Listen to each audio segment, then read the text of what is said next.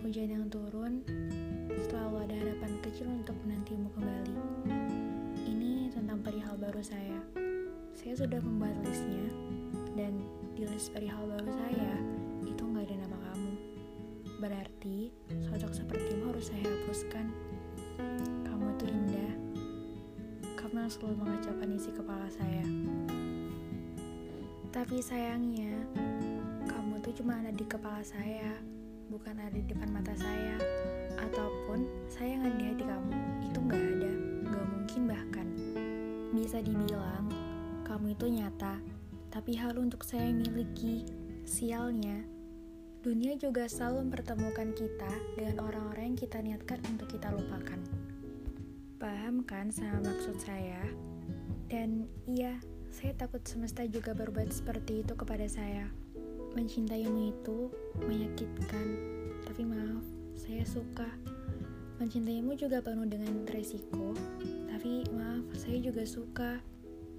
Apa-apa yang ada di dunia ini, katanya wajib untuk disyukuri. Ya, saya rasa bertemu kamu itu udah cukup kok, meskipun saya nggak bisa miliki kamu. Tampaknya, memang waktu dan semesta tak mengizinkan. Saya pernah dibuat bersemangat untuk menjalani hari-hari ini. Saya juga pernah dibuat tersenyum hingga saya lupa bagaimana caranya untuk bersedih.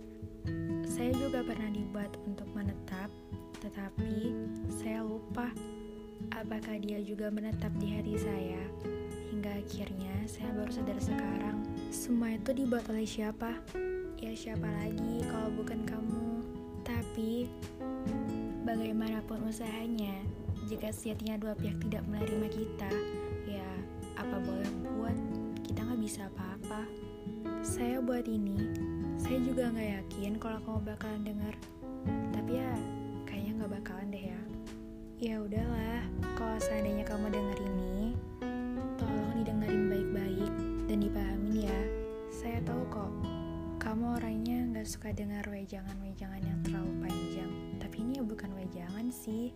Ya udahlah, saya nggak mau ngomong panjang-panjang. Dan soal yang saya bilang mau lupain kamu kemarin-kemarin itu, itu bercandaan. Toh buktinya saya masih belum lupain kamu kan? Emang lupain mantan itu bullshit.